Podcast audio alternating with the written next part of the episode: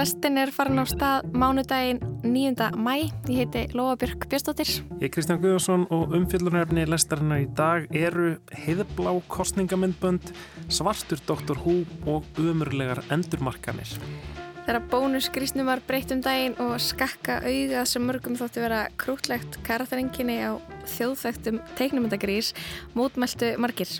Við ætlum að ræða svipaða breytingu á öðru 50 ára gömlu vörumerki sem hefur þangað til núna fengið að standa óbreytt.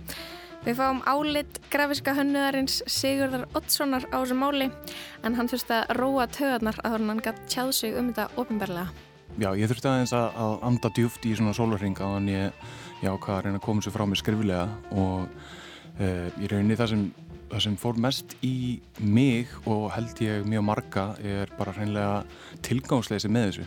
Dr. Who eru langlífustu vísenda skáldsagna þættir í sjómansögunni.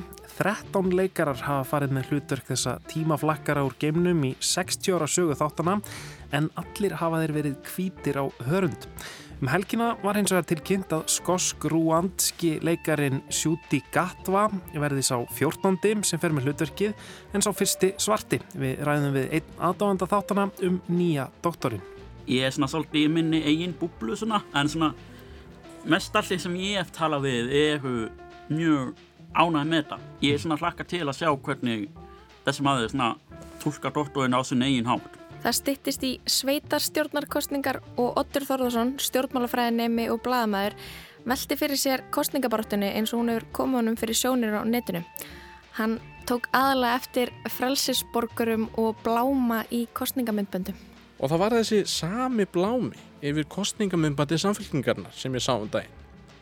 Þar bað Dagur B. borgastjóri um minn stuðning til þess að halda áfram með Reykjavík sem hann sæði vera á réttri leið.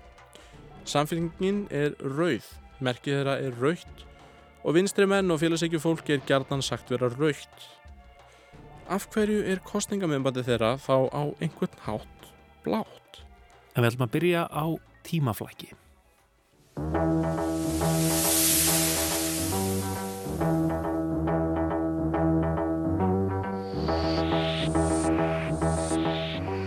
Við skulum ferðast aftur í tíman Það er lögadagur 2003. november, árið er 1963 og klukkan korter yfir 5. Breska ríkisjónvarpið BBC er að frumsýna nýjan sjónvarsþátt. Dagskráin hefur reyndar riðlast örlítið vegna óvinnur langs fréttatíma því deginum áður var fórseti bandaríkjana John F. Kennedy skotinn til bana. En eftir að fréttatímanum líkur fyllir síkadelisk grafík svart kvítan sjónvaskjáin dularfullt andrúsloft sem er undistrykað með hljóðgerla tónlistinni, einhverju fyrsta sjónvastáttastefi sem er fyrst og fremst gert með raf hljóðfærum. Þættinir eru fjölskyldu þættir, vísindaskáldskapur um tímaflakkara sem ferðast um heima og geima í geimskipi sem lítur út eins og lögreglu skíli eins og þau voru algeng á götum Breitlands á sjönda áratögnum. Það er enski leikarin William Hartnell sem fer með hlutverk titil personunar, doktorsins, Dr. Who. I won't go, grandfather. I won't leave the 20th century. I, I'd rather eat the TARDIS than you. Now you're being sentimental and childish. No, I mean it. Very well. Then you must go with them. I'll open the door. Are you coming, Susan? Oh, no, grandfather! Let me go. No! Get back to the ship, child. Hold it.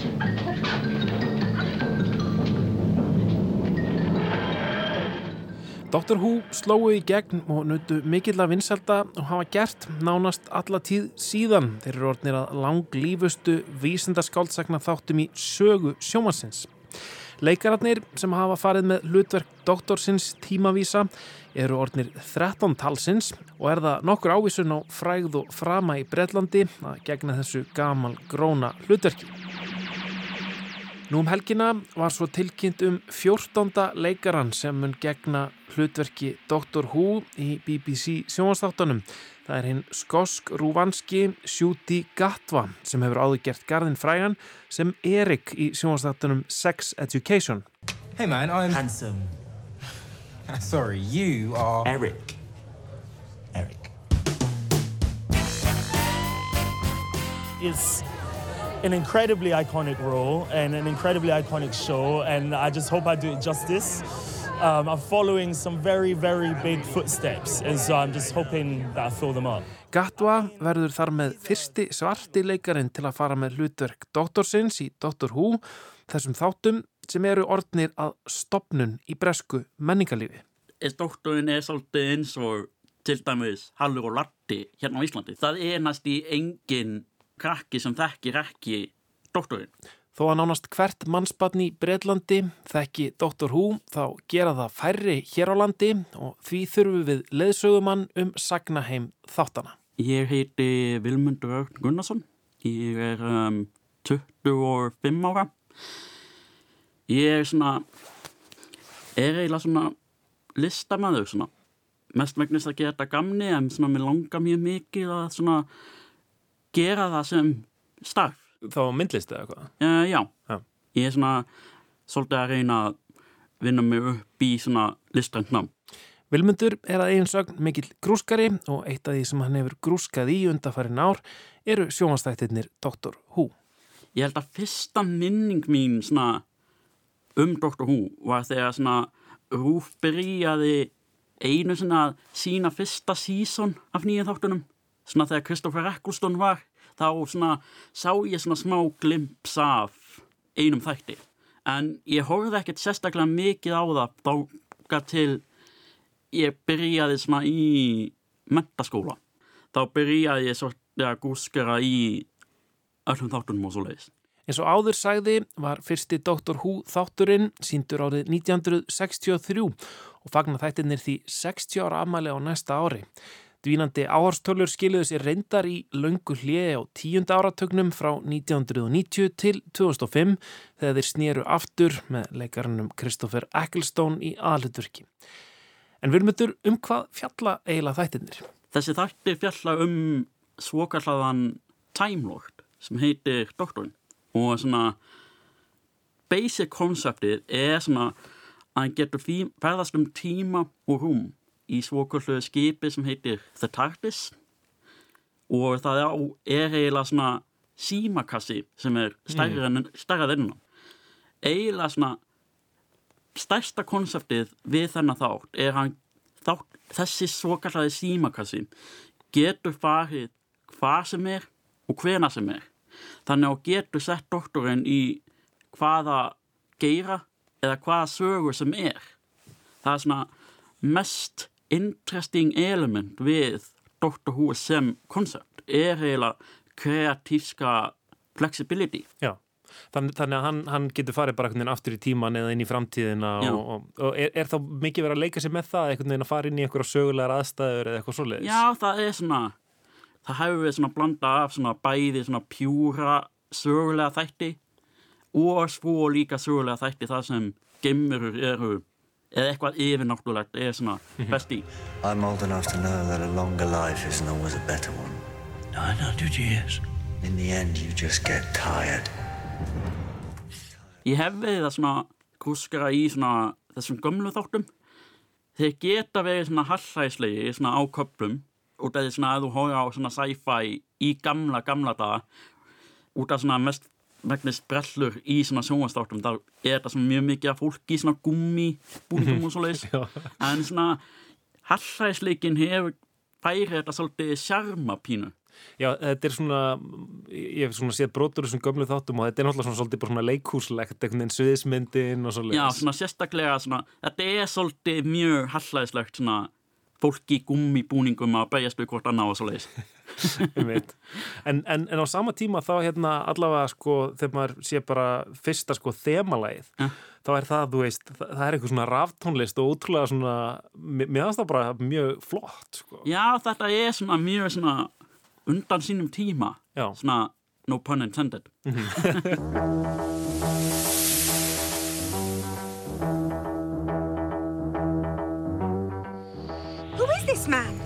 That's just what I was wondering. A very skinny. That is proper skinny. I've never seen it from the outside. It's like a special effect. Oi! Ha! Matchstick man. Áttu þér upp, uppáhalsdóttor eða hvað? Ég verði eiginlega að segja svona það er svolítið, það, mér finnst það pínu ósangjant út af svona, þetta er svolítið þess að velja upp á spatnið. Já. Mér finnst þeir allir færa sitt specialitet, svona, gera doktorinn á sinn sérstakann hátt. En ég veði að segja svona, mér finnst eiginlega Sylvester McCoy, hann er mjög svona, mér finnst það mjög, skemmtilegur doktor. Já, hvern, hvernig var hann? Hann var svona cirka 87 til 89. Mm er, er hérna eru allir þættirnir sem þú hafa séð, séð, séð þú veist, góðir eða er þetta, eru tímabilin misgóð? Það er svona fyrir, þetta er svona fyrir eftir smekk svona. Það svona fyrir eftir hvað þú leitar að í svona sci-fi. Eins og til dæmis uh, Douglas Adams, hann hefur skrifað nokka þætti af Doctor Who. Sá sem skrifaði hérna, Hitchhiker's Guide to the Galaxy Já. Og, og eru þeir góðir? Já What did you say? Did you mention the rules? Now, listen, bit of advice. Tell me the truth if you think you know it. Law if you're feeling brave. But, darlings, never, ever tell me the rules. Sagnaheimur þáttana Dr. Who býður upp á nokkuð auðvelda leið við skipti á aðaleikurum en í hvert sinn sem geimveran Dr. Who verður fyrir meðslum þá getur hún endurholdgast í nýjum líkama. Það er eiginlega svona svo kalluð holgerfing.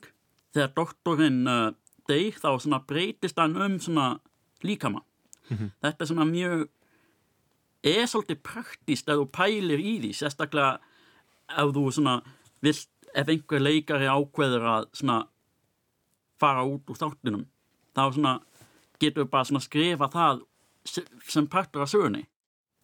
Þangað til 2018 voru þetta reyndar allt hvítir karlmenn sem hefðu farið með hlutverkið.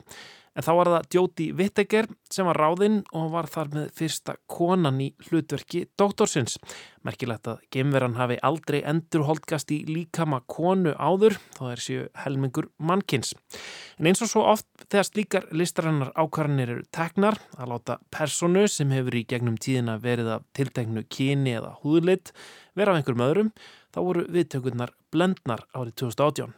Já, það var eitthvað svona kvót, ungvót umdeila um Já. þetta en ég eiginlega að segja að ég finnst að doktorinn ætti að geta endurholgast í hvað sem er, hvern sem er eiginlega út af því svona sem koncept er eiginlega basically þáttu sem þróast með tímanum Mína, af hverju ætti doktorinn ekki að vera kona? Mm Ég meina hann er gemvera eða Já. ekki En núna semst er hérna Jóti Vitteger hérna leikonan sem, sem hefur leikið doktorinn undanfærin ár eh, að hætta og, og þarna nú er búið að tilkynna hver verður eh, 14.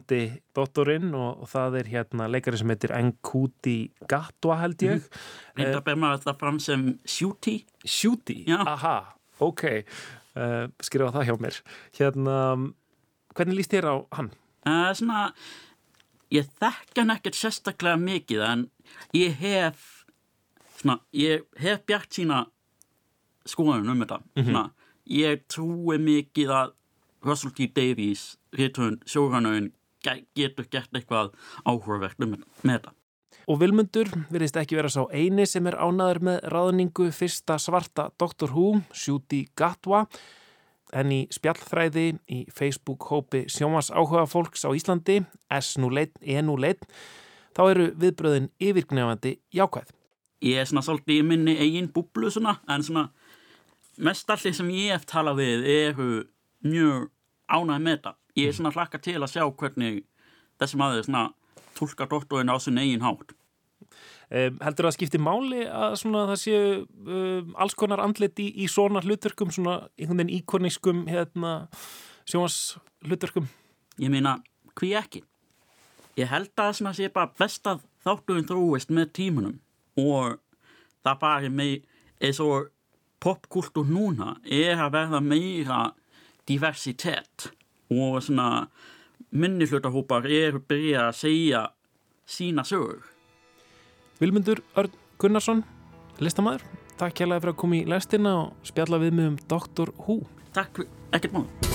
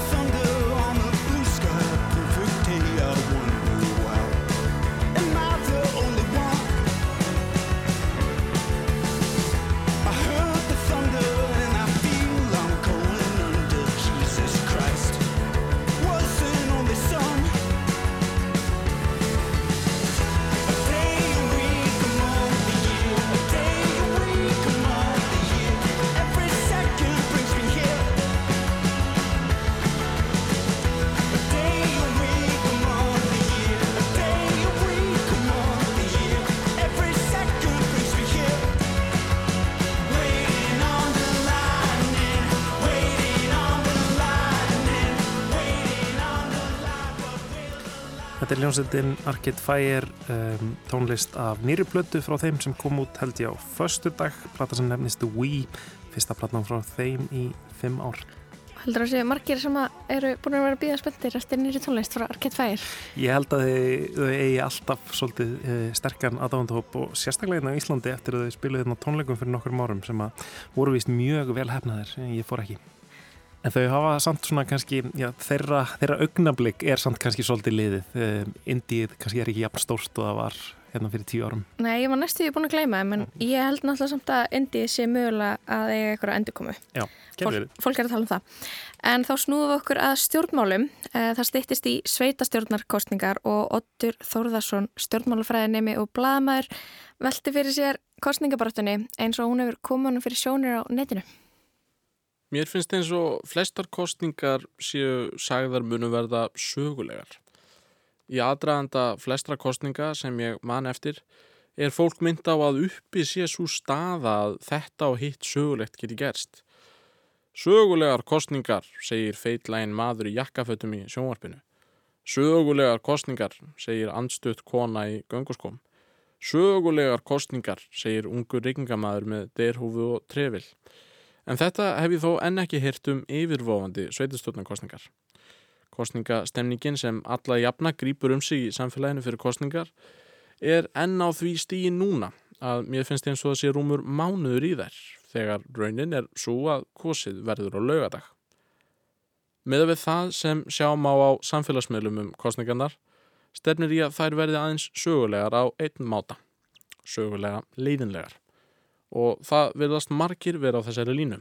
Flestir sem ég hafi minnst eitthvað tala við, jafnan fólk sem ríkan áhuga hefur á stjórnmálum, viðrar hugmyndir um að kjósa bara alls ekki að þessu sinni. Sögulegar kostningar, segi ég í útarpinu. Og hvað hef ég fyrir mér? Jú, lítum bara til samfélagsmiðluna sem er orðinir líkil þáttur í hverju kostningabaratu. Þar er fátum fína drætti, svo það sé nú sagt. Fyrir nokkrum dögum þeitti sjálfstæðisflokkurinn í lúðra og bóðaði að gefnir yrðu frelsis borgarar úr heiðbláum matvagni sem ferðaðist um borgina. Þetta er þekkt stef í kostningabaratum að gefa fría hluti en heiðblái matvagnin átti meðal annars að gera stopp við Listaháskóla Íslands. Nefendurnir við LHI vildur endar ekki þykja frelsisborgara úr matvagninum marbláa og kærðisurinn er ekki eins og um að vagnin legði við skólan yfir höfuð. Eru þið ekki að grínast, spyr ég. Það er verið að gefa hambúrgara og ykkur gefst tækifæri til þess að taka fylgis rúna sjálfstæðismenn á beinið, fólk sem að þeir jafnan hatist út í og gantast í þeim með hárbeitri kaltæni eins og ungum og bitrum vinstrimönnum er tamt. Þarna var kjörið tækifæri til þess að búa til einhverja vistlu fyrir okkur hinn, til dæmis á Twitter eða annar staðar. Hver fyndi hefði það verið að sjá myndir af einhverjum listnemum í skræbótum fötum við lið Hildar Björstóttur í sótreinsæri drakt, aðstæðunar allar geislandi af gallsúri kaltæðinu og fyndni. Þetta hefði getið orðið mjög eftirminnilegt og jarmvænt, en nei, fólk hefur engan húmor lengur og stýris bara af karakterlausum prinsipum. Hvað er pöngið, spyr ég. Og tölum meirum sjálfstæðsflokkin. Ég sá fyrir helgi kostningamindband þaðan, þar sem Hildi Björnsdóttur Ottvita brá fyrir á samt öðrum frambjóndum flokksins. En það var einhver filter á myndbandinu, einhver litasía eða hvað má kalla það á íslensku og filterinn var annarlegur, fannst mér. Það var einhver kaldur blámi yfir myndbandinu sem gerði það óaðgengilegt. Þetta var eins og þegar kliftir úr bíómynd yfir í minningu eða dagdröm einhverja persónu myndarinnar. Þá er filterinn hafður til aðgreiningar frá því sem er til þess sem annarkort var eða gæti orðið í myndinni. Og mér fannst sjálfstæðisflokkurinn á einhvern nátt gera þetta með filterið að myndbandinu. Það var eins og verið væri að klippa yfir til einhverjar útópískrar hugmyndafræði flokksins og aðgreina hana frá raunveruleikanum. Háleitar pælingar ég veit, en eftirstendur að filterinn var blár, kaldur og hálf óþægilegur. Og það var þessi sami blámi yfir kostningamömbandi samfélkingarnar sem ég sá um daginn.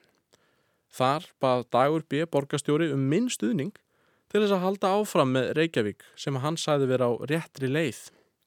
Samfélkingin er rauð, merkið þeirra er raukt og vinstri menn og félagsækju fólki er gerðan sagt vera raukt.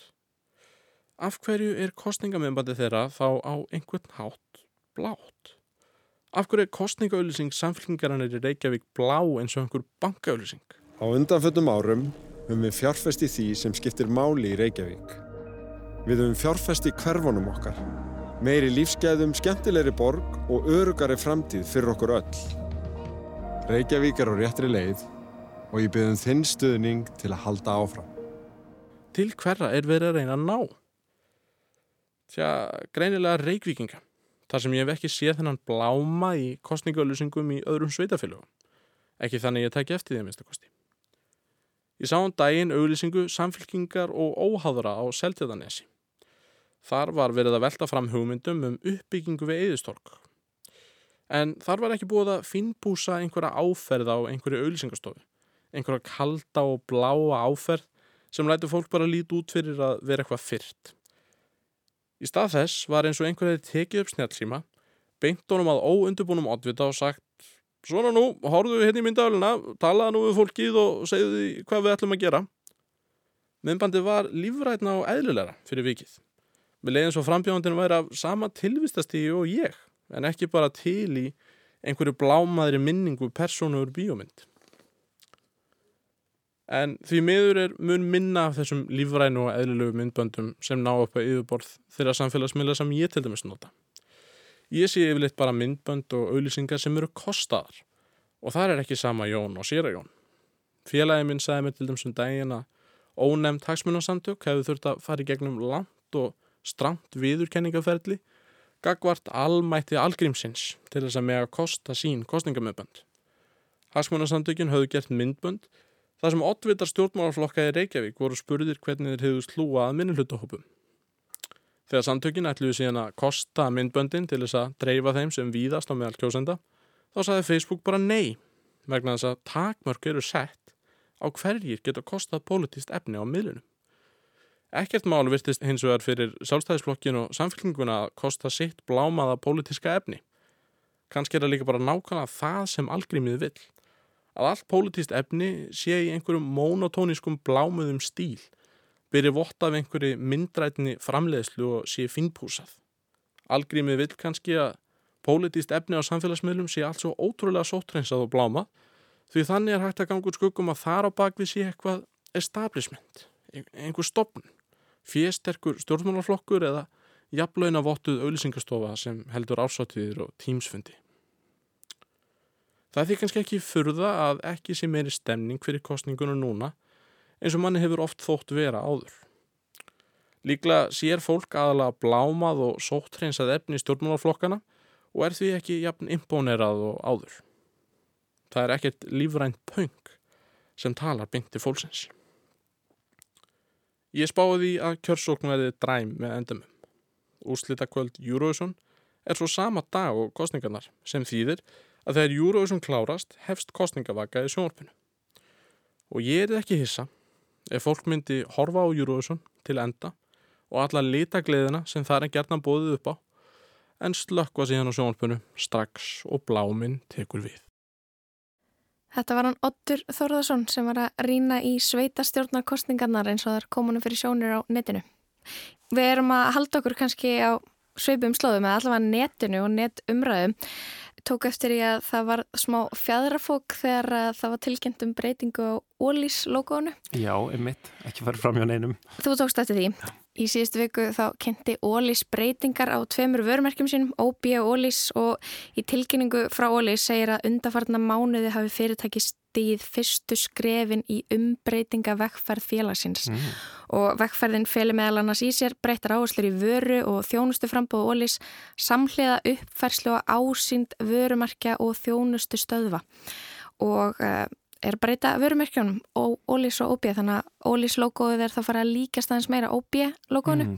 uh, Frosti Ólafsson framkvæmdastjóri Ólís saði í tilkynningu að Ólís hefði viljað sína sögunni virðingu en um leið nútíma veða útlitt vörumerkisins Þröstur Magnússon, hönnuðurinn sem hannaði merki Ólís fyrir nær halvri öld hvaðist ekki sjá tilgangin með því að skipta merkinu út fyrir nýtt líkt og nú að vera að gera og segir að vera ókost að breyta gömlu og grónu merki sem allir þekkja. Ólísmerki var með svona seinustu vörumerkjanu sem hann hannaði á sínu ferli hann hannaði með líka uh, logo Sælabankans sem er eftir á öllum penningum og, uh, og alþingislogoið þannig að búin að gera mjög mikið. Uh, en það eru fleiri sem hafa tekið undir með þresti og eitt þeirra er Sigurður Oddsson, grafiskur hönnuður hann talar um þessar breytingar sem vanverðingu ekkert sögulegu langlífi og tímalösur hönnun sem var nákvæmlega engin ástæða til að breyta. Og hann skoraði á stjórnendur Ólís að endur skoða þessa ákvörðin í pisli sem hann skrifaði á Facebook. Og uh, hann talar um sko, hann er svolítið svona stórorður, uh, segir maður það ekki? Mm -hmm. uh, og segir að uh, það getur verið að það er nánast glæpsamlegt stórslis í menningarsögu Íslands að þessi endurmörkun fá að ganga í gegn. Wow, okay. um, mér finnst það áhugavert og ákvaða heyra í honum og ætlum að ræða við Sigurd um, um þessa breytingar á Ólís vörumerkinu og svona flattnesku væðingu vörumerkahönnunar, ego-hönnuða og bara svona reyna að skilja af hverju einhver myndi gera þetta. Annars finnst mér það að vera ókostur að vera að breyta gamlu og grónu merki sem allir þekkja. Mm, ég sé engan tilgangi því. Afstótt af bensinni með öllu og með því spurning og bíl og þóttu þjónustu bílun loka glænir og marga vinni við veginn ég kasta hverði og hópin ég er ekki farið í óveri sem ég slagan í lúfinni ég er með kaffi fyrir kling, mati fyrir kling nami fyrir kling, tvei fyrir einn af mig svo vænaði dænaði, væni græjaði dæling og getur slætið í bæinn og borga helminga dæminu farið í púl, heldur þér á því góðgrunna víst út því þú ert með afstótt í efnum laugum og íspú fríðinda fríðindir, læta frískup á bílum en pekum ískast af vimum sem fyrir reynd og svo bíamið ströði kortinu slaga með strákunni, börgur og með því veit hvernig þeir stakandi punktu, bútur í bungu, kastuðu hvernig og æsland þeir Þú átt skilið alltaf best án þess að það sé fóktýr Gerum eitthvað skemmtilegt í vinuhópi Ólís Ef þú ert með líkil, þá ertu í vinuhópnum. Ólís, vinur við veginn. Ég heiti Sigur Rótsson, ég er grafísku hönnuður. Ég starfa eins og er hjá uh, hönnunarstofu í New York en hef starfa, starfað við, við auðlýsingar og, og hönnun og, og hérna svona mörkun í uh, yfir tíu ár. Einmitt mörkun. Við erum kannski að fara að ræða það eins logo. Já. Það var tilkynnt um nýtt logo dögunum, Ólís, nýtt Ólís logo. Einmitt. Og þú varst uh, kannski ekkert sérstaklega ánæður og hendur í Facebook status og varst með einhverja pælingar notaði kannski orðið eins og bræði og mannrettinda domstól Evrópu, varst eitthvað sem að heyri þeim hvað hana svona til þess að draga það saman hvað var það við þetta nýja Ólís logo sem fór svona öfut ofin þig sem hönnuð Já, ég, hérna, já, ég þurfti aðeins að, að, að, að anda djúft í svona sólarring á þannig ég, já, hvað að reyna að koma sér frá mig skriflega og e, ég reyni það sem, það sem fór mest í mig og held ég mjög marga er bara hreinlega tilgangsleysi með þessu og e, já, bara af hverju, af hverju fór ég í þessa breytingu, hverja voru svona forsendunar, e, þetta er spurningar sem ég, ég ennþá ekki fengi svarað mm. og hérna Uh, já og ég veldi upp í rauninni bara svona eitthvað svona hugmyndum um, um hvað, hvað þeir gæti hafa verið með á borðinni hjá sér sem hefði uh, látið að fara í þessa vinnu. Mm. um, Já. En tilgangsleysið, uh, ég veit ekki fór kannski að taka eftir þessu svona undanfæri ár bara það kom nýtt þjóðleikurslógó sem að sló ekki gegn og, og tók allt út, ég held mér að þú hefur mögulega bent á það á Twitter. Ný bónuskrísin sem hefur verið talað um áður í lestinni og svo þetta nýja Ólís logo.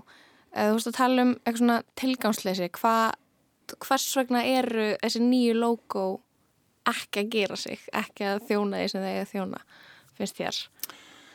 Sko í fyrsta leið þá er bara uh, þú veist ástæðan fyrir að breyta svona hlutum það þarf að vera mjög rík ástæði til þess vegna þess að uh, svona merki eins og, og til dæmis Ólís þó fólki finnist þetta kannski ekkert ekkert eitthvað stór merkilegt þá er það samt hérna, veist, það er 50 ára gammalt og það er alveg óvinnilegt á Íslandi. Er það bara mjög langur tími í svona sögu svona? Sérstaklega Íslandi, það sem Ísland, Ísland eiga til að, skipta hlutum út mjög fljótt. Fyrirtæki eru held ég til að ekki, ekki langlíf hér og, og, og vörumerkið líka og þú veist, ef þú setur þetta í samengi þá er þetta merkið, þetta er eldri en Hallgrímskirkja mm -hmm. og, og hérna og það hefur svona ákveðina vitund í svona í þjóðar svona í þjóðarvitundinni, það hefur svona ákveðina tilfinningar í tilfinningum fólks, það, það hefur svona ákveðinar minningar sem að tengi við veist, þetta merki mm -hmm. þó, að, þó að fólk fólk hérna, tengi ekki sérskala tilfinninga við Óljufélag Íslands mm. þá kannski á minningar sem tengjast þessu myndefni á einhvern hátt mm. alveg eins og að tengi við ákveðna staði að arkitektúr eða eitthvað og, og þó er þessi ekki að líka þessu við að einhver myndi sittja álklæningu utan á Hallgrímskirkju þá er þetta samt, maður mað getur spurt þessu sumi spurninga til hvers og, og hérna, til hvers að einhvern veginn uh, reynsa burt uh, öll þau góðu hugreiningatengst sem að fólk hefur við þetta gamla merki og setja eitthvað nýtt í staðin sem að er nánast eins, bara verra mm. og, uh, já, og, hver, og, og setja upp hérna og henda 5.000 plastskiltum í urðun í leðinni, skilju mm. mm. getur, getur spurti hverju umhverfisáhrifin á þessum skipti þessari breytingu líka -hmm. og það er alveg, held ég, mjög stór spurning líka sem að ég sá í rauninu bara eftir að ég skriði færsluna mína að einhver komið þann punkt Það sem er búið að gera við þetta logo, getur svona einhvern veginn listi bara einhvern veginn hver er svona munurinn svona myndrænt svona á, á svona logo hvað er búið að gera? Það er hérna bara búið að breyta, veist, breyta stíl, stíl letugerðunar á, á merkinu og, og hérna það, mér finnst það ekki vera mjög velgjert uh, í rauninni sjálf að sér og flestum hönnuðum sem ég hef hirt í finnst það ekki heldur það, merki segi núna í rauninni óleis, það vantar í rauninni íð yfir, yfir íð og hefur komin yfir íð mm. og hérna Það er búið að stækka grænaflötin, eða ekki? Og... Jú, jú, þetta fari að anda eitthvað betur inn í grænflætum. Ég held að, þú veist, ég hugsa, þú veist, einhver, einhver hefur komið með þessar raukvæð sendafærslu núna, hérna eitthvað, núna þurfum við að henda burt þessum, þessum græna rúna kassa bak við merki, þannig að við þurfum, þurfum að geta sett merki á hérna bara svona stóran grænan flöt og aðeins leifti að anda og, og, einhverju hafa örgulega talað um stafræna vegferð og hérna nýtt stafrænt umhverfi fyrir, sem hérna fyrir að þetta nýja merki það fullirir, það uppfyllir engar, engar stafrænar kröfur betur en gamla. Einmitt. Hvað er það, þú veist, eh, núna eitthvað svona með þessar eins og bara þessi nýju logo sem ég var að minnast á áðan.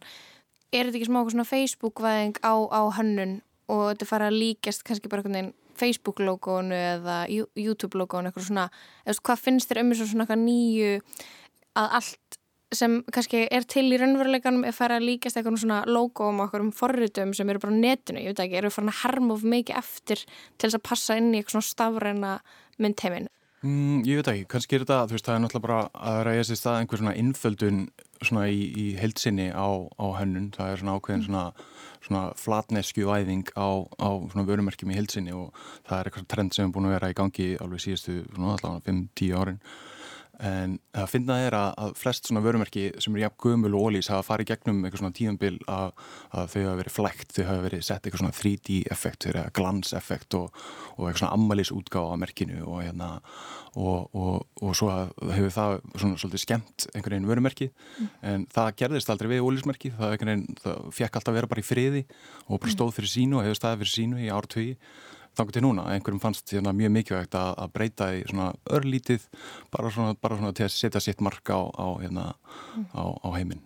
Og af hverju heldur að fólk sé að breyta því örlíti? Er þetta, er þetta eitthvað svona, ég heyrði eitthvað svona um daginn eitthvað já þetta er bara út af því að þú getur ekki sannað að eitthvað svona breytingar logo, þú getur ekki mynd sannað að þetta hefur góð eða slæm áhrif en þú getur sagt að þetta gerir það. Já, nákvæmlega. Það þú getur bent á þetta okkur PowerPoint, já hérna kom nýja logo, þú veist. Nákvæmlega, ég held að, ég held að það, veist, eins og sem hluti af þessari endumörku þá munir örgulega fara í alls konar hérna, uh, þú veist, þessi ráðgæðastofa sem ráðgæðum, þeir eru hluti af stærri svona stafrætni hefðferð að fara í hérna, veist, alls konar mælingar og leita vel að bestun og, og eitthvað samfélagsmeira hefðferðir og, og eitthvað og, og súvinna örgulega skila peningi í kassan en það kemur því nákvæmlega ekkert við að breyta merkinu, ekki neitt Mhm. af því að mer, nýtt merki þau getur gert nákvæmlega sömu hlutu með, með gamla merkinu og, bara, og þá haldið í þetta brand equity sem að Mhm. þau voru búin að byggja upp í 50 ár og, og hérna þannig að ég held að það sé nákvæmlega það. Veist, það er bara svona, það er hægt að tengja þessa breytingu við hérna, við eitthvað, eitthvað hérna, pening sem kemur inn og, og þá er eitthvað komið fjöður í Einmitt, Þú sagði þetta að, að logo fær gegnum svona breytingar, ég er bara að hugsa um að að- að svona ólíufélagin á Íslandi að við erum búin að vera með skelljung sem og það, í, það og, og SO og núna erum við bara með N1 og Allandsolja það er svona alveg nýrra af þessu öllu. Mhm. og það eina sem einhvern veginn satt eftir Já. frá eitthvað svona gömlu tímunum og á er eitthvað svona einmitt nostalgíu tengingin sem þú talar um í statsnýnum það er einhvern veginn, þau hefðu þetta umfram hinn fyrirtækin og, og voru ekki sem breytinga gerðar og, en einhvern veginn kösti og glæ eins og það sé engin skilningur á eitthvað svona verðmæti þess að þú ert hannur og þú gerir logo og þú ferði í uh, endurmarkanir og, og ert að hjálpa breyta ásund fyrirtækja uh, þú átt kannski engin logo sem eru orðin svona gömul. Nei, ég Og- er ekki það gamall. Nei, þú ert bara ennþá ungur skilur og bara eitthvað svona byrjunu þannig að þinni starfsæfi og þannig að uh, þú sérði eitthvað svona þarna eitthvað svona sem bara eitthvað verðmætt sem bara kasta á glæ sem fólk áttast ekki á að eru menningaverðmætti Algjörlega, þetta getur verið, veist, að, að vinna í þessu bransa getur verið, veist, hönnur geta haft ego og þeir, þeim langar kannski stundum að, að breyta hlutum og, Mhm. og það getur verið freistandi að breyta hlutum og setja marksitt á, á hérna, heiminn. En það er líka, þú veist, hönnur byrja líka ábyrð og, og þetta er, hérna, er ábyrð að reyna að ráðgefa fyrirtækjum að, að hérna, vinna með það sem þið hafa á, á sem bestan hátt og, og einmitt bara halda í þessi svona verðmæti sem vörumerki hafa og þess að ég, ég vinni við fyrir fyrirtæki eins og þjóðminni Íslands og uh, landsverkjun og Viking og eitthvað svona það sem við ákvaðum að halda í það sem, það sem var gott og mm. halda í til dæmis merkið en breyta öll öðru til dæmis mm. að því að merkið var eitthvað sem að fólk tengdi við, tengdi við söguna en kannski vantæði uh, svona ný, ný element í restina umgjörunni og hérna og þetta finnst mér vera veist, eitthvað sem veist, fólk mætti aðeins hugsa um sko, að bara halda í það sem er gott og breyta því sem þarf. Eins og ef þú hefði fengið verkefni þú væri hérna á svona auðlýsingastofu sem tók þetta Hollis-logo hvað hva, hva hefur þið gert? Sko ég, ég til og með sé að einu ástæði fyrir að þau breyttu var til að geta tengt OB betur við Ólís það er ekki, ég held að engin muni sjá eftir OB-merkinu, ég held að, að þú getur ekki teiknað eða voru beðin um það. En, en hérna uh, veist, það er alveg eins geta að fara í hináttina breyta bara, hérna, skrifa OB með, með svipar letugjörð og ólísagert og, og ramma í, á svipaðan hátinn mm. eða eitthvað alveg um, Ég hefði til dæmis farið í þá átt að, að taka veist, leturgerðin sem Ólísi teiknaði sem að hann, hérna, hann Tryggvi Magnússon gerði hérna í, fyrir 50 árum. Og, og þetta er leturgerð sem að er náttúrulega sér teikna bara fyrir þetta merki. Og þá er þetta að taka hana og búið til bara heila letufjölskyldu yfir það og nota það sem fyrirsagnarletur af því að þetta er eitthvað sem fyrirtæki eru mjög mikið að gera út í heimi í dag þegar að við erum að vinna með til og með samfélagsmiðla og þú vilt geta skrifa eitthvað fyrirsögn bara hérna uh, ný, hérna, ný vara komin á markað.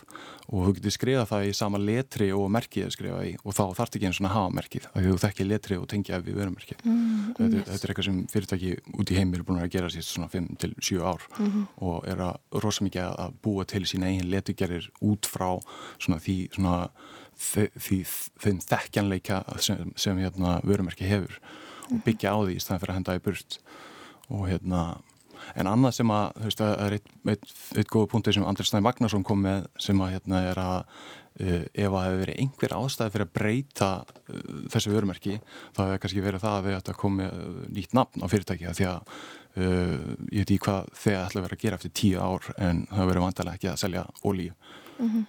Emmett, það er kannski að verða úrælt yfir höfu bara að vera ólíufyrirtæki en man, man er kannski, það er kannski búin að stefna í það lengi en hver veit hversu lengi sem það næri að halda einhvern veginn Ég manna þeir, þú veist, þeir er allavega með, mjögst, ólís er með uh, gott slagur, vinur við veginn, þú veist, það, það er hérna, það er slagur sem er alveg, það hefur hérna uh, potential til, a, til að halda í við tíman einhvern veginn, að vera hérna bara einhver, einhver vinur við veginn sem saman þú veist ekki endilega að taka bensína, þú getur fengið allt annað.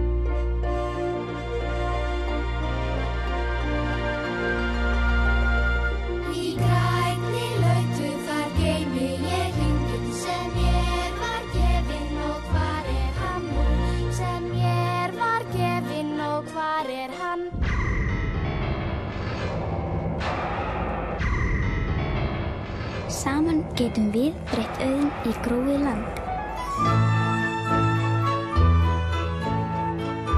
Græðum landið með ólís. Hvað finnst þér eins og þessi logo sem við vorum að minnast á áðan, nýja þjólukúsið, uh, bónusgrísin, ólís og þetta, þetta er svona eitthvað svona flatneskja, eitthvað svona einfaldleiki og búið að gera þetta boring og óspennandi. Um, finnst þið samt ekki eins og þetta sé eitthvað svona smá breyting? Með eins og það hefði dotti í tísku fyrir nokkur um árum að reyna að búa til að svona, eitthvað svona ný fyrirtæki væri að reyna að búa til hefðiða sögu og vísanir í eitthvað svona gamalt myndmál sem uh, er, var til löngu ára fyrirtæki á stopnað og veist, það var eitthvað svona, eitthvað svona stemming fyrir eitthvað svona gerfi. Ég man ekki dæmi eins og er en bara svona ný fyrirtæki sem voru látið lúka eins og það verið stopnuð 19, á 19. aldinni, veistu hvað ég er að tala um? Já, algjörlega, er... þetta, þetta var mjög mikið trend svona í kringum 2010 eitthvað, þá vildi mm -hmm. all fyrirtæki vera með svona eitthvað heritage mm -hmm. eitthvað byggja í kringum hérna, já, veist, geysir, kek ég, ég hana, hérna útlitt keks á síðan tíma sem áttu mm -hmm. náttúrulega að vera bara En svo það hefur verið til í bara 100 já, ár Þú veist, að ví, bara vísa í gamla tíma og vera bara eitthvað svona, svona hlýlegt hérna, eitthvað svona samansapna af, af minningum sem að fólk hafi fortíðinni og þú veist, það alveg, veist, það þótti vera fresh á síðan tíma en það er náttúrulega fengu allir ógjá á því eins og öllu öru mm -hmm. En hvað er þá þetta ef, ef, þessi, ef hinn tískan getur sagt okkur og þarna hefur verið eitthvað, já, nú erum við að stopna eitthvað nýtt þannig við ætlum ekki að hræða ykkur, við ætlum að láta ykkur finna ykkur svona örgistilfinningu og bara við erum, erum búin að vera hérna lengi þó að þetta sé árskamalt fyrirtæki þó svona eitthvað, en hvað er þetta nýja þá? Að svona vísanir einhvern veginn í ekkert, bara búið að tóna niður og maður veit ekki alveg veist, hvaða myndheimur er þú Já, ég þú veist, einu dæmin um það þegar fólk vil bara henda öllu er þegar eitthvað stórslýsi átt sér stað Mhm. hjá fyrirtækinu. Svona, það er hérna, þurft að endurmarka sig út af, út af bara einhver svona já, stórslýsi. Í einu tilfelli var það litilega stórslýsi þegar að BP, British Petroleum, þurfti að endurmarka sig eftir hérna uh, olíuslýsi hérna í Mexikoflóa fyrir tíu árum og þá komum við nýtt merki og það átt að vera eitthvað svona uh, nú erum við græn og hérna við Mhm. bara við erum mjög sorry fyrir allt saman og, og, en þú veist, það gerðist ekki neitt svona fyrir ólís, er þetta var bara hérna, eitthvað mjög vinalegt bensínfyrirtæki sem að fólk uh, veist, fólk hafði ekki neitt vandamál með sko. Og, og þeir eru ekki að staðsetja sig á neitt nýjan hátt með þessu nýja merki. Þeir uh, allavega hef ég ekki séð en þá þeir eru ekki að staðsetja sig sem hérna einhver hérna ramagsvættur futuristik svona vinu við veginn, þeir eru ennþá bara veist, með græn lit og er um Olíu. olíu. emmitt en, kann, en kannski er eitthvað hræðsla við að verða bráðum úreldur og einhvern veginn reyna að grípa í eitthvað Mögulega. fá, að fá einhvern veginn reyna að vera relevant þó maður fyrirtæki sé kannski stefna í að verða það ekki Já, ég myndi halda að ég myndi að þú veist, fólk, eins og ég sagt, þú veist, til, tilkneyingin út er að, að bara, veist, halda í kjarnan og fara og hérna vera, vera bara hérna, sjálfsörugur með sögunum hans og, og halda í, í, hérna, í það sem er gott í fyrirtækinu og byggja ofan á því. Og, og veist, það er það sem future-proofa fyrirtæki að vera bara Uh, samkvæm sjálfur sér byggja á því góða sem fyrir er og breyta því sem þarf að breyta til að, að hérna, vera samkendisæfi í, í framtíðin einhvern veginn. Og, og veist, þetta á við hönnun og um bara stefnumótun og, og hérna og allt emmitt, það er góð loka orð uh, takk hérlega fyrir spjalli Sigur Rótsson Kæra þetta var mjög fróðlegt Had another laugh. How you roll with them when you know I'm him. Got it on remote control. Got it on remote control. Got it on remote control. Like a CEO. I thought you should know.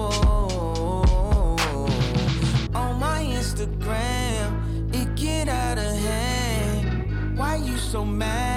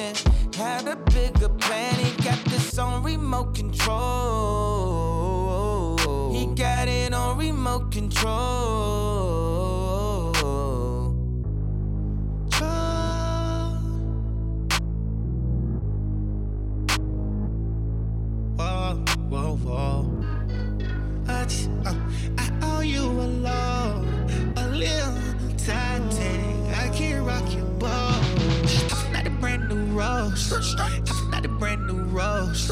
Jesus sent me brand new clothes. Rich still 32 below. Yeah. I want my brown shine. I caress away within fine time. Don't you give your love up, this is the right sign, right sign. Yeah, yeah. I treat you lovely and righteous and kind. And we'll be less than one another till we die. Sigurður Rótsson að láta í ljós skoðanir sínar á endurhönnuðu Ólís logoi. Já, fólk er með sterkar skoðanir á þessum uh, vörumarkim.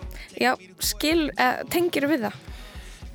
Mm, já, eða sko bæði og. Eh, Ég meina þetta eru þetta handverk eh, sem, að, sem er einhvern veginn líka orðið svona tengt bara einhvern veginn ég veit það ekki, tilfinningum manns og vitund manns og þessu skrítið þetta eitthvað svona, eitthvað oljufyrirtæki eiga einhvern stað í hjartamanns og eitthvað útlit á því Þetta er náttúrulega bara mynd og eins og Sigurður tala hans um eftir viðtalið að við, við sjáum logo alla daga Já. og þetta er svona eins og ef ykkur væri að fara að breyta ykkur fjalli þetta er bara, Mm. þú veist hvernig þetta lítur út Já. og það á ekki að breyta því Einmitt. Ég manna allavega, hérna, ég talaði við Edith Randi Áskersdóttur sem teiknaði upprunnulega bónusgrísin hérna fyrir nokkru mánuðum þegar bónus var að breyta, breyta því merki. Um, hún reyndar vildi ekki svona tjá sig um það sjálf fannst að vera á, á annara, hérna, annara könnu en, en, en fó, aðrir voru veginn ótrúlega reyðir að það væri verið að breyta þessum grís sem að, sem að almennt svona kannski mörgum hefur þótt, hefur þótt ekkert sérstaklega fallegur eða eitthvað þannig, Mhm. þetta er svona ófullkominn einhvern veginn með þetta lata hérna, skakka auga og eitthvað svona. En samt vill fólk halda því þannig einhvern veginn bara því að það hefur verið þannig. Mhm. Ég held ég skilja alveg smá en svo líka annað í þessu sem er eitthvað, þetta er ólís, þetta er eitthvað ólíufyrirtæki ef þú ætlar að fara í, fara í eitthvað endurmörkun, ertu þá ekki að fara verða eitthvað annað heldur en ólíu sala árið raf- 2027 rafís eða eitthvað. Já, Já. þetta er ekki, en þetta- er einmitt ekki það er, það er í rauninni ekki verið að nútíma væða neitt nema á okkur svona hátt bara stafina Já, veist.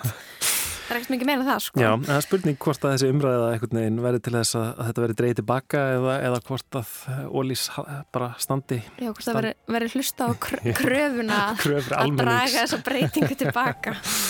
En já, um, lestin verður alltaf ekki lengri í dag. Um, við verðum hérna aftur á sama tíma á morgun, lestin til klukkan 5 Ég heiti Kristján Guðjónsson. Ég heiti Lóabjörg Björnsdóttir og tæknumæðurinn í dag er Lidja Gretastóttir. Verið sæl